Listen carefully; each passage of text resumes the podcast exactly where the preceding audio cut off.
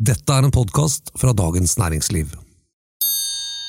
I dag kjære lyttere, har jeg en kjempestor nyhet til dere. I dag lanserer Dagens Næringsliv en ny vindatabase som vi kaller Vinsøk. Og Der skal vi gjøre det mye lettere for deg å finne fram til dine favorittviner. Så når du står på Vinmonopolet eller du sitter i et middagsselskap og smaker noe godt, så kan du skanne strekkoden med telefonen din eller med PC-en din, og få opp vinen hva jeg syns om den, min vurdering. Du kan lage dine egne lister, du kan ikke minst se bilder av flaska, og du kan gi den din egen score. Vinsøket er eksklusivt for våre totalabonnenter, og eh, hvis du lurer på hvordan dette ser ut, så kan du gå inn i lenken som ligger i episodeinfoen. Du vet hva jeg har kjøpt i dag? Nei? Helt nykvernet hvalburger nede på mathallen. Jeg har aldri hatt en god opplevelse med hvalkjøtt. Da har du enten spist gammel hval, eller så har du stekt den feil. Det kan være fantastisk.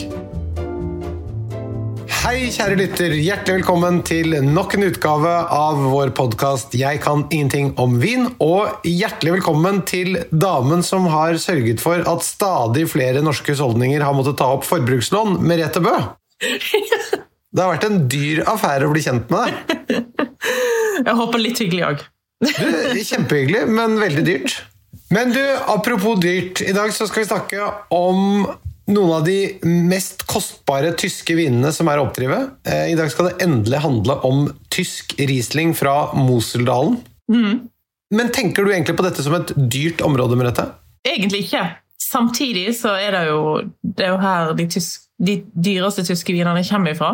Eh, men det er jo et område som strekker seg da fra Egon Müller sin Trockenbeerenauslese til 120 000-130 000, til eh, en eh, Dr. Losen som mine venninner kaller for fastlegen sin. Eh, det som koster 120-130 kroner. Så det er jo et vinområde med en enorm spennvidde, særlig når det gjelder vinpriser, vil jeg jo si. Ja. Men du, jeg har noen ganger irritert meg over at kelnere veldig ofte anbefaler Riesling til omtrent alle retter.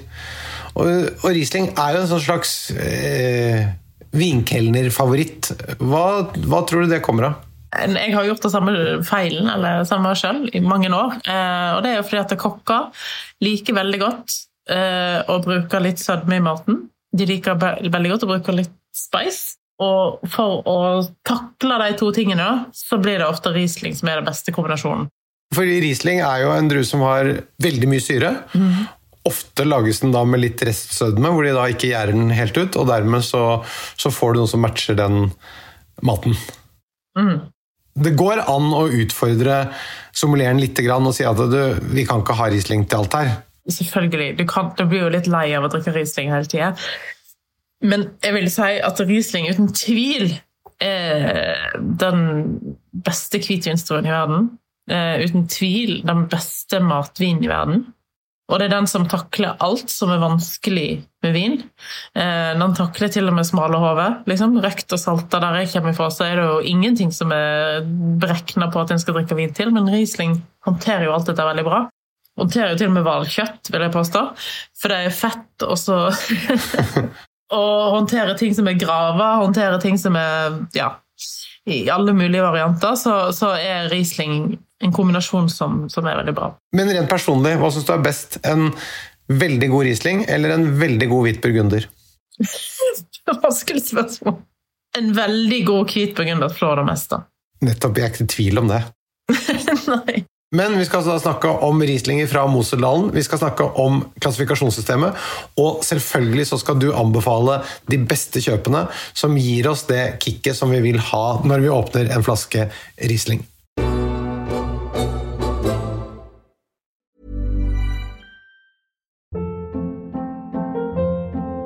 Hold up. What was that? Boring. No flavor. That was as bad as those leftovers you ate all week. Kiki Palmer here, and it's time to say hello to something fresh and guilt-free. Hello Fresh. Jazz up dinner with pecan-crusted chicken or garlic butter shrimp scampi. Now that's music to my mouth. Hello Fresh. Let's get this dinner party started. Discover all the delicious possibilities at hellofresh.com. Først så tenkte jeg bare vi, vi må snakke litt om Mosel, altså Moseldalen. Kan ikke du bare forklare hvorfor det området egner seg så godt til å dyrke Riesling-druen? Hvis jeg skal strekke historien veldig langt tilbake inn i tid, så kan vi takke romerne for at vi har Moseldalen i det hele tatt. Eh, Mosel er jo nesten så langt nord i Tyskland før du kan komme når det gjelder vinproduksjon. Og Mosel strekker seg fra Koblenz i nord og til Trier, som går helt ned mot Luxembourg. Trier var jo en stor by, eller stor uh, militærlegning for uh, romerne. Og hver romersk legionær hadde jo sin dagsrasjon, uh, så de måtte ta med seg druer og planter. Og De hadde nok òg litt slaver og litt krigsfanger rundt omkring som kunne plante i skråningene. Hva de skjønte for 2000 år siden, var at de måtte plante i skråningene for å klare å gjøre druene modne når de var kommet så langt nord. Det å plante i skråninger? De måtte plante sørøst, sørvestvendte skråninger for å få mest mulig sol. Og så har du Moselelven, som reflekterer solet, sånn at det er varmt så lenge som mulig. Altså Her er det opptil 70-80% helning. Det er så bratt at du klarer nesten ikke gå. Og så er det det som er så absurd med Mosel òg. Det er nesten bare skifer. Enten blåskifer eller rødskifer. Og så er det litt vulkansk jordsmonn litt sånn innimellom, men stort sett bare skifer. Og det blir jo helt sånn oppsmuldra. Så når du går opp disse skråningene, så, så er det du, du tar ett steg, så stiller du et halvt tilbake igjen. Og det er jo sånn at De må ha på seg seler for å, å, jobbe i disse vinmarkene. Og bare sånn For å illustrere De regner som at én hektar i en bratt vinmark i Mosel den eh, tar ca. 1500 arbeidstimer i året. Mens en flat vinmark eh, tar ca. 300 arbeidstimer. Så det er ganske stor forskjell. Det er jo da et kjølig område, som du har eh, sagt. Mm. Og Riesling er jo en drue med veldig veldig mye syre. Så de tørreste vinene der er en egen stil. Kan ikke du si litt om det? Stort sett så er jo Mosel fullt av Riesling med litt sødme. Fordi at de er såpass langt nord, så må de ha litt sødme for å balansere den syren. Og det er jo det som er så kult med Mosel Riesling, at eh, det er omtrent det eneste sånn halvtørre vin igjen i verden. Det søte viner er jo blitt ut. Eh, men hver gang jeg smaker en Mosel Riesling, så blir jeg sånn fascinert over den sødmen som er der. fordi at eh, det gjør jo at vin blir veldig matvennlig. Hvor mange gram sukker er vanlig, da? Standarden er vel sånn mellom 10 og 20. Det er jo ikke veldig søtt. Det er jo som en Prosecco, liksom. Det er jo da nordmenn drikker mest av. Prosecco. Og særlig med tanke på at uh, vinen har så mye syre, så vil den jo ikke oppleve søt i det hele tatt. Så her er det ikke noe vits i å rygge unna og si nei, jeg liker ikke søte viner, for det er ikke det vi snakker om her. Og da skal ikke du like den eneste vin som er på bestselgerlisten når det gjelder bag-in-box, og du liker heller ikke den eneste Prosecco. Her er det bare å henge med videre. Dette er som du sier, dette er jo fantastisk matvennlige viner. Dette bringer oss over på klassifikasjonssystemet, som vi også må ha en egen liten prat om her nå. Jeg må tilbake igjen til sånn cirka rett før Vinmonopolet ble starta. På begynnelsen av 1900-tallet i Norge så var tysk vin, eller i hele verden, så var tysk vin noe av det dyreste du kunne kjøpe. En tysk Liebfamilj for eksempel, kosta like mye som en Chateau Lafitte fra Bordeaux. Og så kom første verdenskrig, eh, og så kom andre verdenskrig. Eh, og andre verdenskrig la jo Tyskland ganske brakk. Så de måtte få opp økonomien igjen. Og det de gjorde da, var å plante i lavlandet for å klare å lage vin som var liksom økonomisk gunstig. Disse bratte skråningene ble nesten forlatt fordi at de orket ikke og hadde ikke mulighet til å jobbe der og hadde ikke mulighet til å drive økonomisk. Og jeg har snakket med flere vinprodusenter som sa at de kunne få disse vinmarkene gratis. For nå var det bare om å gjøre å få opp volumet? Ja, og i 1982 det verste året for tysk eh, vin, der hadde de et utbytte. Da snakker en hvor mange liter en tar ut fra en vinmark. I 1982 var det gjennomsnittlig utbytte på en vinmark i Tyskland. 180 hektoliter per hektar. Det er helt sinnssykt mye. Normalt sett i en kvalitetsvinmark i, i Europa i dag, så er det sånn kanskje 50 hektoliter per hektar. Så det var Nesten fire ganger så mye, da. Eh, og, eh, mens i skråningene i Tyskland, eller i Mosel, i dag så er det kanskje 20 hektoliter per hektar. Og når du får veldig utvanna juice, så blir alt utvanna. På 80-tallet så var vel tysk Riesling på sitt mest populære i Norge. Vi drakk Liv von Milch og Reila von Heisenstein og Svarte Katz og Black Tower og sånn. Det var ofte en blend av masse druer, og så fikk det et dårlig rykte. Og så ble det liksom søt Riesling et skjellsord, mer enn en kvalitetsvin å regne. da. Men så skjedde det noe på 90-tallet, da, at folk begynte å fokusere mer på kvalitet. Og så fikk de dette kvalitetssystemet da, som var litt sånn gammeldags, og som um, gikk da på sukkerinnhold i druene. Det ble vel innført i Tyskland i 1971, tror jeg. Uh, og da gikk på hvor mye sukker vinen hadde. Nå må du ta sakte gjennom dette her. Og kjære lytter, hvis du syns dette er komplisert, det har ingenting med at du er dum å gjøre. Det er rett og slett et veldig klønete og innfløkt system. Men ok, Merete. Vi starter med da den enkleste kvaliteten av tysk vin. Det enkleste er jo da landvin, eller landvein, som det heter i Tyskland. Eh, og det er da en eh, QBA, som er da 13 vinregioner. Der liksom, det står bare Mosel, eller det står bare Na, eller QBA det er da et distrikt, ikke sant? Ja. Og så er det da eh, QMP, altså kvalitetsveien mitt predikat. Der eh, du har da seks kategorier av predikat, og det er kun de søte som får komme inn der. ikke sant? Og predikat er da, det er da en, en benevnelse på den gruppen, eller det er benevnelse på den gruppen, totale benevnelsen, og så er det seks forskjellige eh, predikat inn i den gruppen.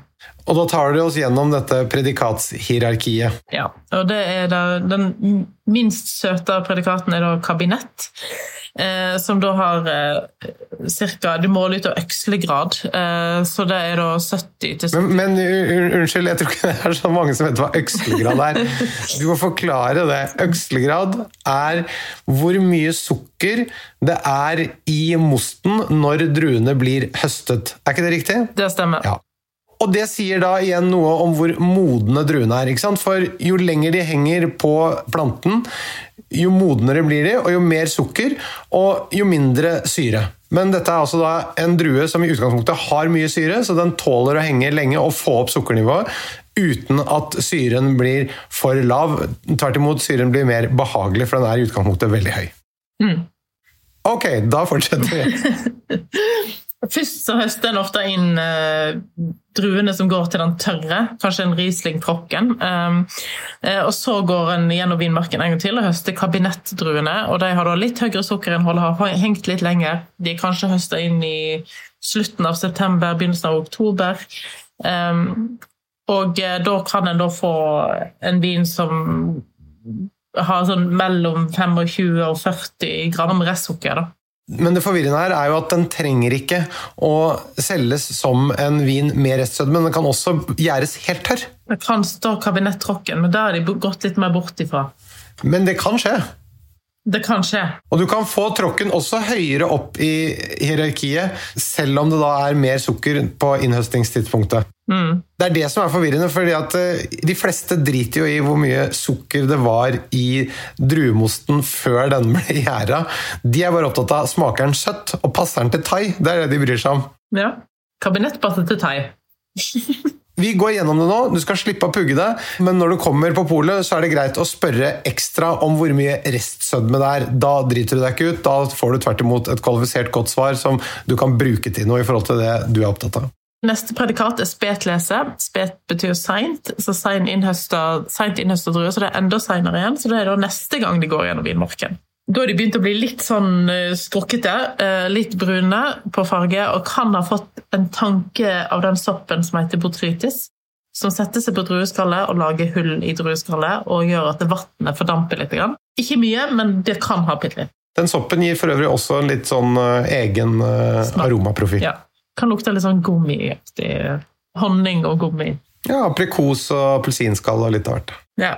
Og Spetless er en sånn der vanskelig kategori som strekker seg kanskje fra sånn 45 gram sukker i sluttproduktet til en sånn 80-90 gram sukker. Veldig lagringsdyktige viner. Eh, smaker vidunderlig. Kan være sånn 7-8% alkohol.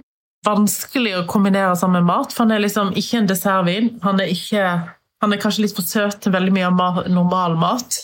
Så han er liksom litt, litt mellom to stoler. Det samme gjelder neste kategori, som er auslese, som da har ofte litt mer botrytis, ikke alltid, og har en del høyere sukkerinnhold, over 100 gram, eller rundt 100, opptil 130-40 gram sukker, kanskje.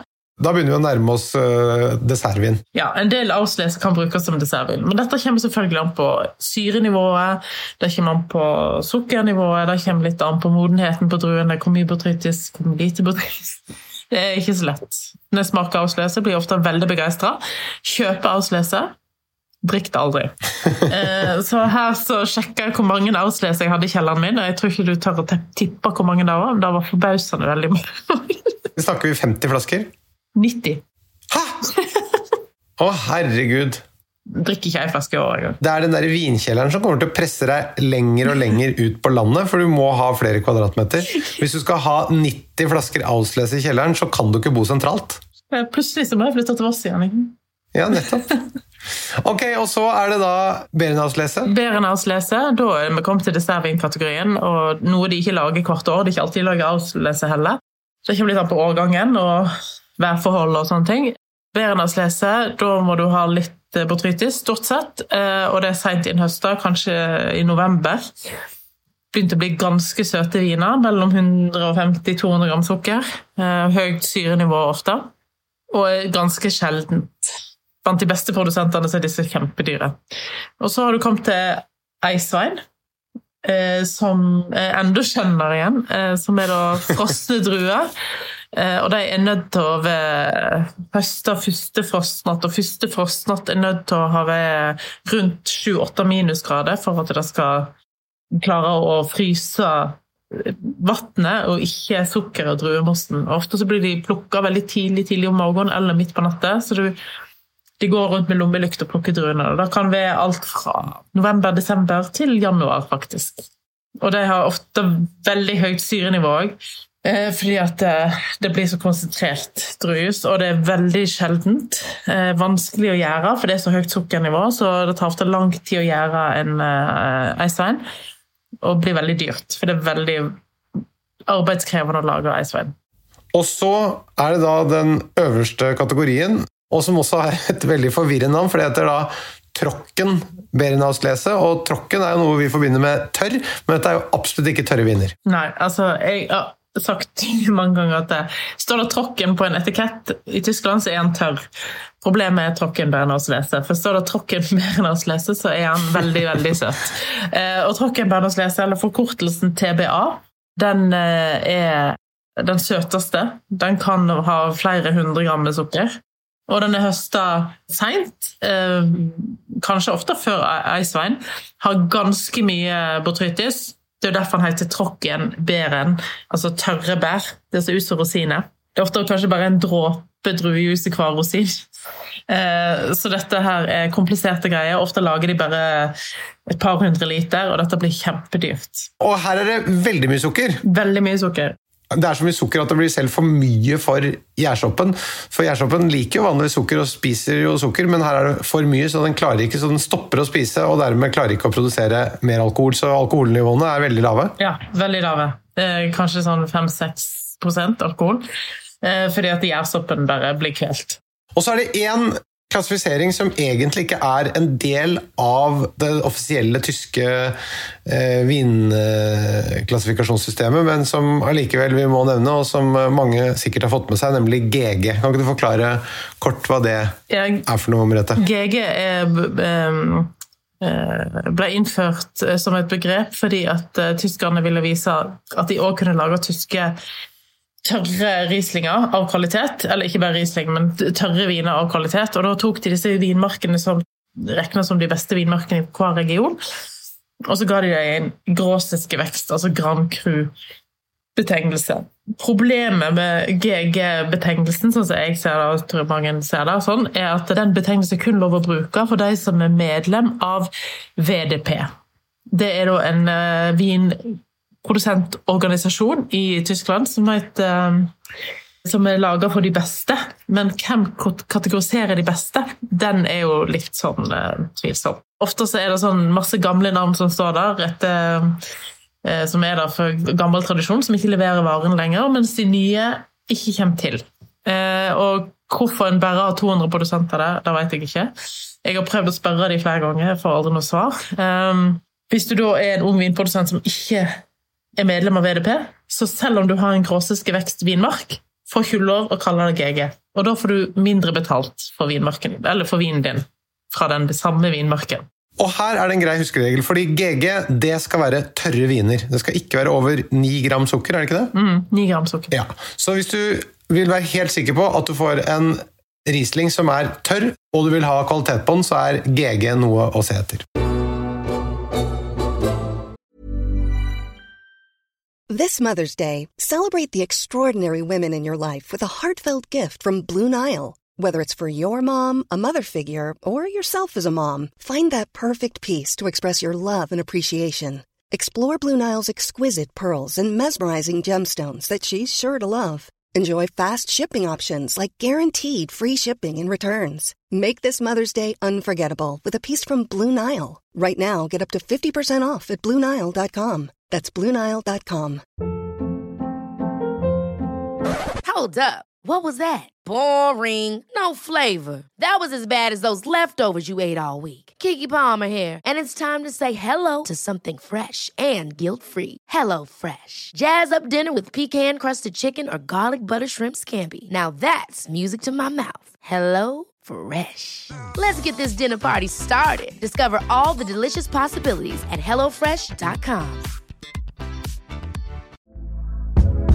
Hey there, it's Michelle Norris. I'm host of a podcast called Your Mama's Kitchen. When I travel, I'm usually looking for a way to find a taste of home when I'm not at home. And one of the things I love to do when I am at home is entertain. And Airbnb allows me to do that. When I was in California recently, I rented a house that had a great kitchen. And when we were sitting around the table, we're all thinking, we're in someone else's house. Someone could be in all of our homes as well.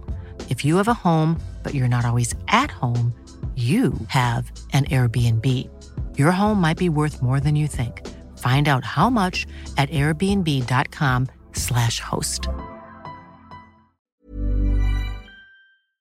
Da må vi begynne å bli litt mer konkrete her. Ja, altså Mosel er jo full av fantastisk gode produsenter og gode vinmarker. Jeg vet liksom ikke helt hvor jeg skal begynne.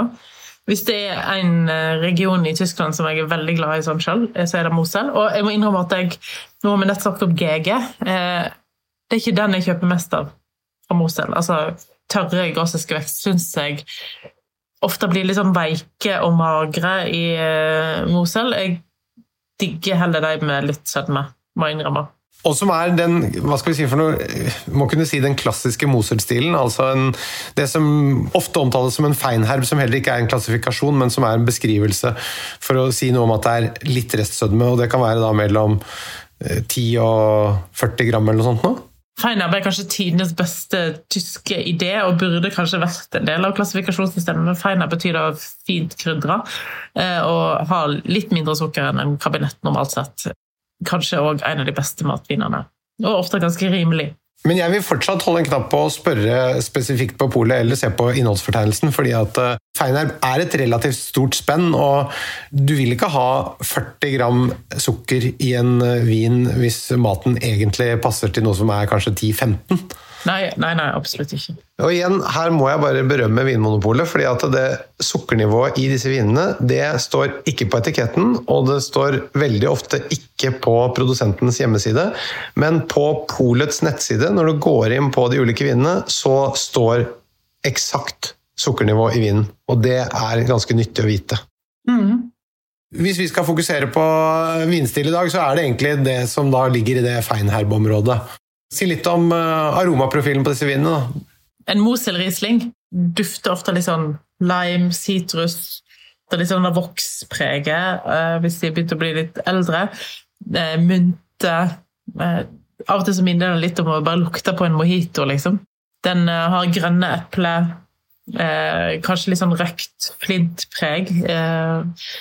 Ja, jeg syns de lukter helt vidunderlig. Hyllebærblomst. Ja, så de er litt mer kjølige i stilen, i motsetning til rieslinger som er dyrket litt lenger sør, som kanskje blir litt mer sånn tropiske i aromabildet. Så er, er dette mer grønne epler og lime og sitrus, mer enn da ananas og eh, andre tropiske frukter, da.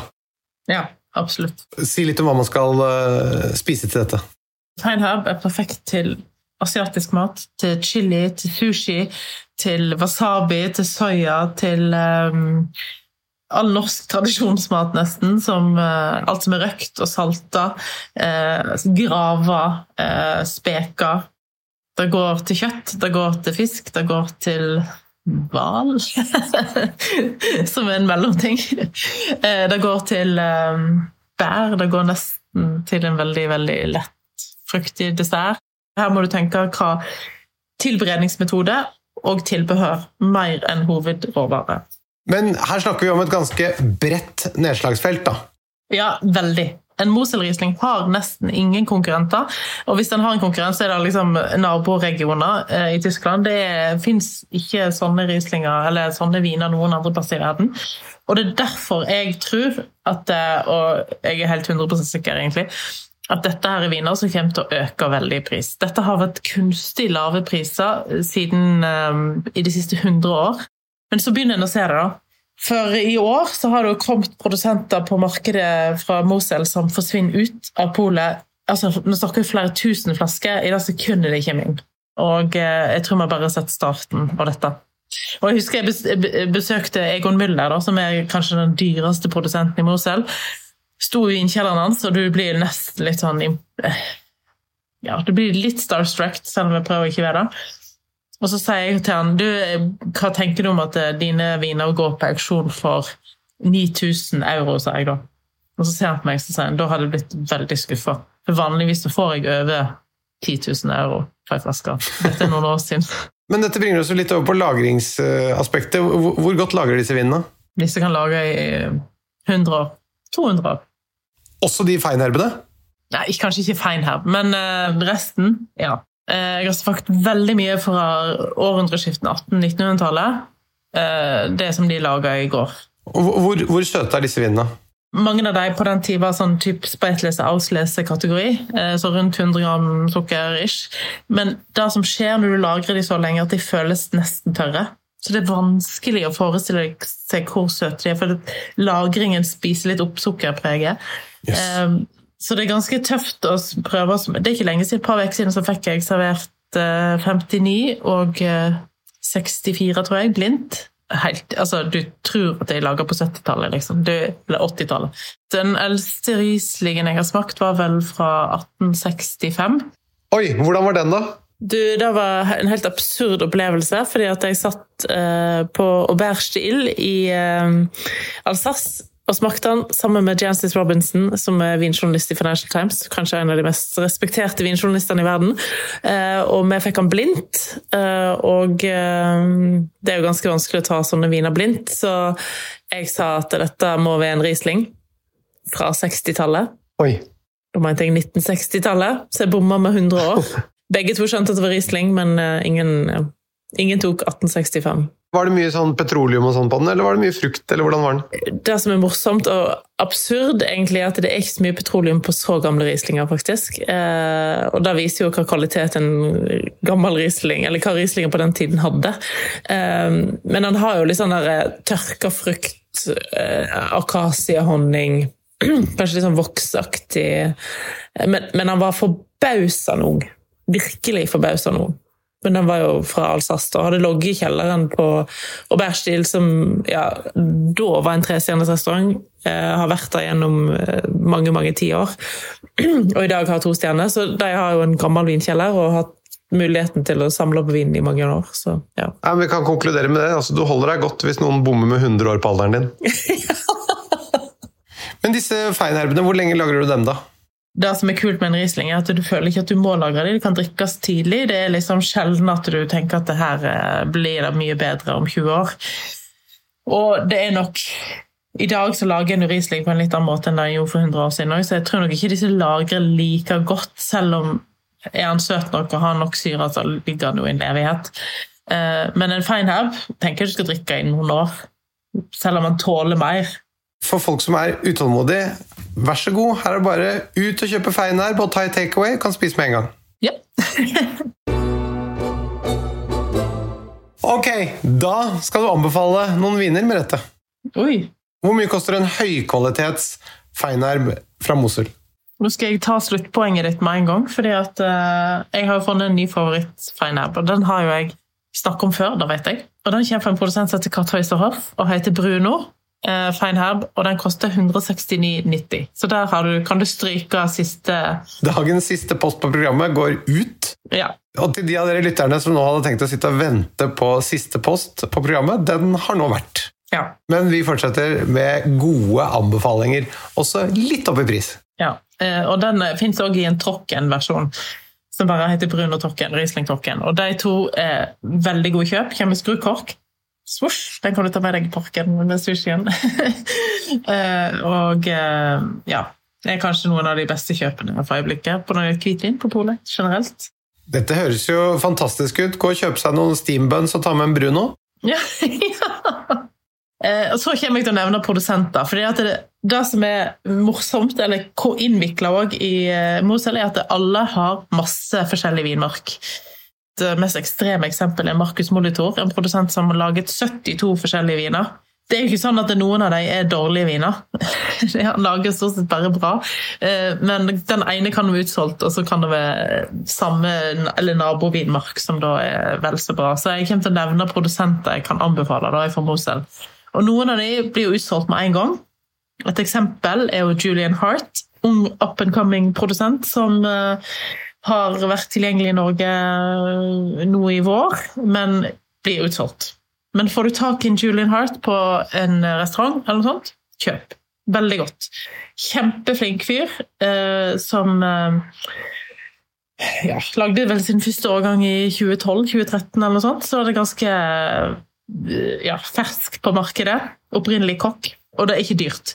Hans billigste viner koster under 200 kroner. Hans dyreste viner eh, koster mye mer, mens de får du ikke så lett tak i. Han Eh, er jo da i en sånn etableringsfase når det gjelder familie òg. Han har to små unger, eh, nygift forholdsvis, eh, og da satt på en vinmark som heter Schubertsley.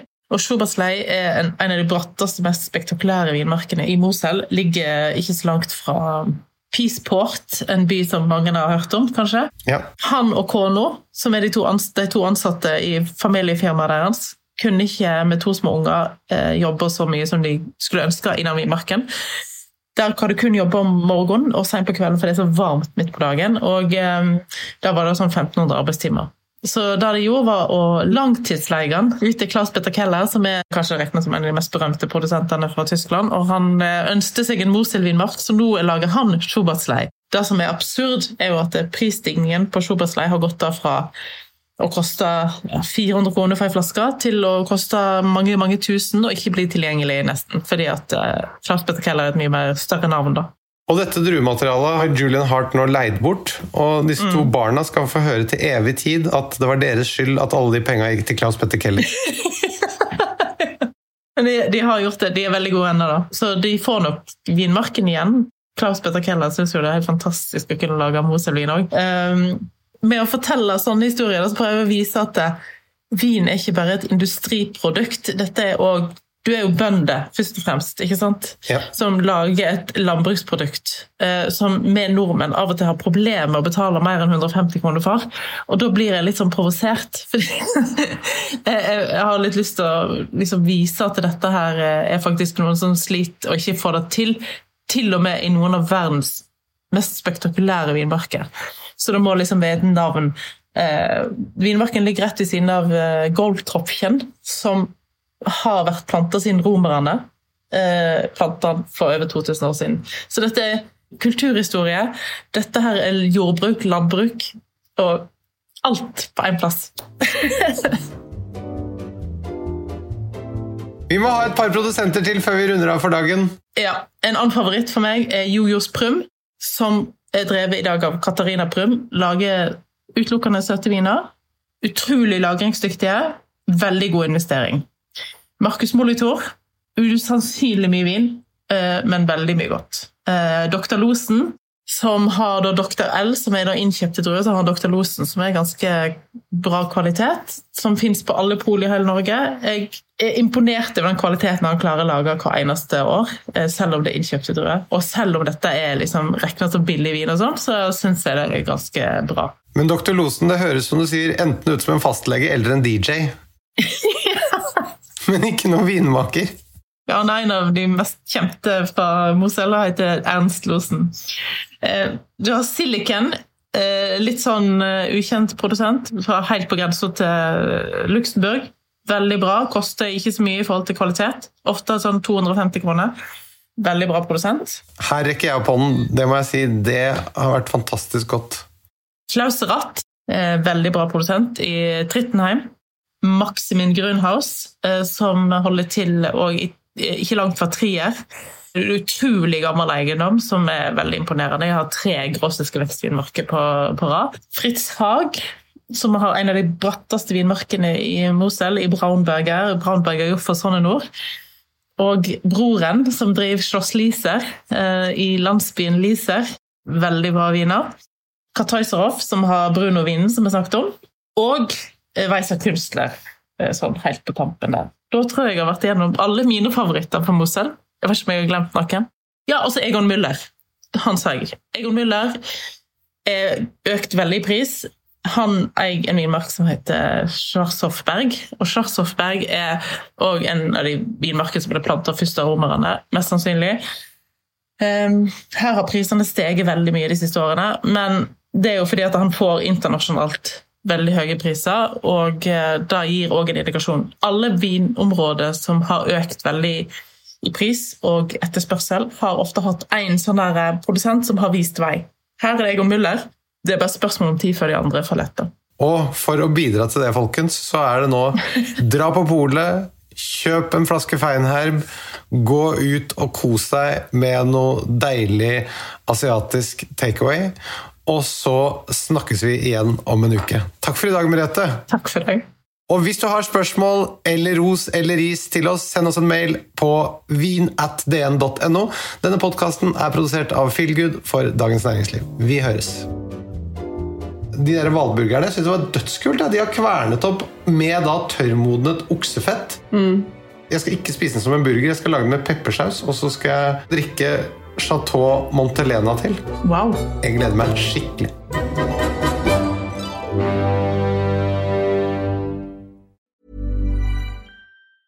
Ever catch yourself eating the same flavorless dinner three days in a row? Dreaming of something better? Well, HelloFresh is your guilt-free dream come true, baby. It's me, Kiki Palmer. Let's wake up those taste buds with hot, juicy pecan-crusted chicken or garlic butter shrimp scampi. Mm. Hello Fresh. Stop dreaming of all the delicious possibilities and dig in at HelloFresh.com. Let's get this dinner party started.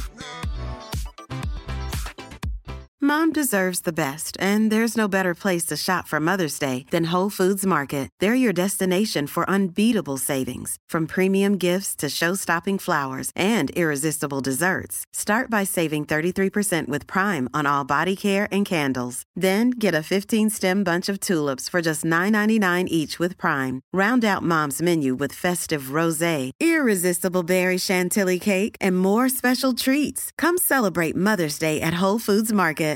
Hey, it's Paige DeSorbo from Giggly Squad. High quality fashion without the price tag. Say hello to Quince. I'm snagging high-end essentials like cozy cashmere sweaters, sleek leather jackets, fine jewelry, and so much more. With Quince being 50 to 80% less than similar brands. And they partner with factories that prioritize safe, ethical, and responsible manufacturing. I love that. Luxury quality within reach. Go to quince.com slash style to get free shipping and 365 day returns on your next order. Quince.com slash style. Du har nå hørt en podkast fra Dagens Næringsliv.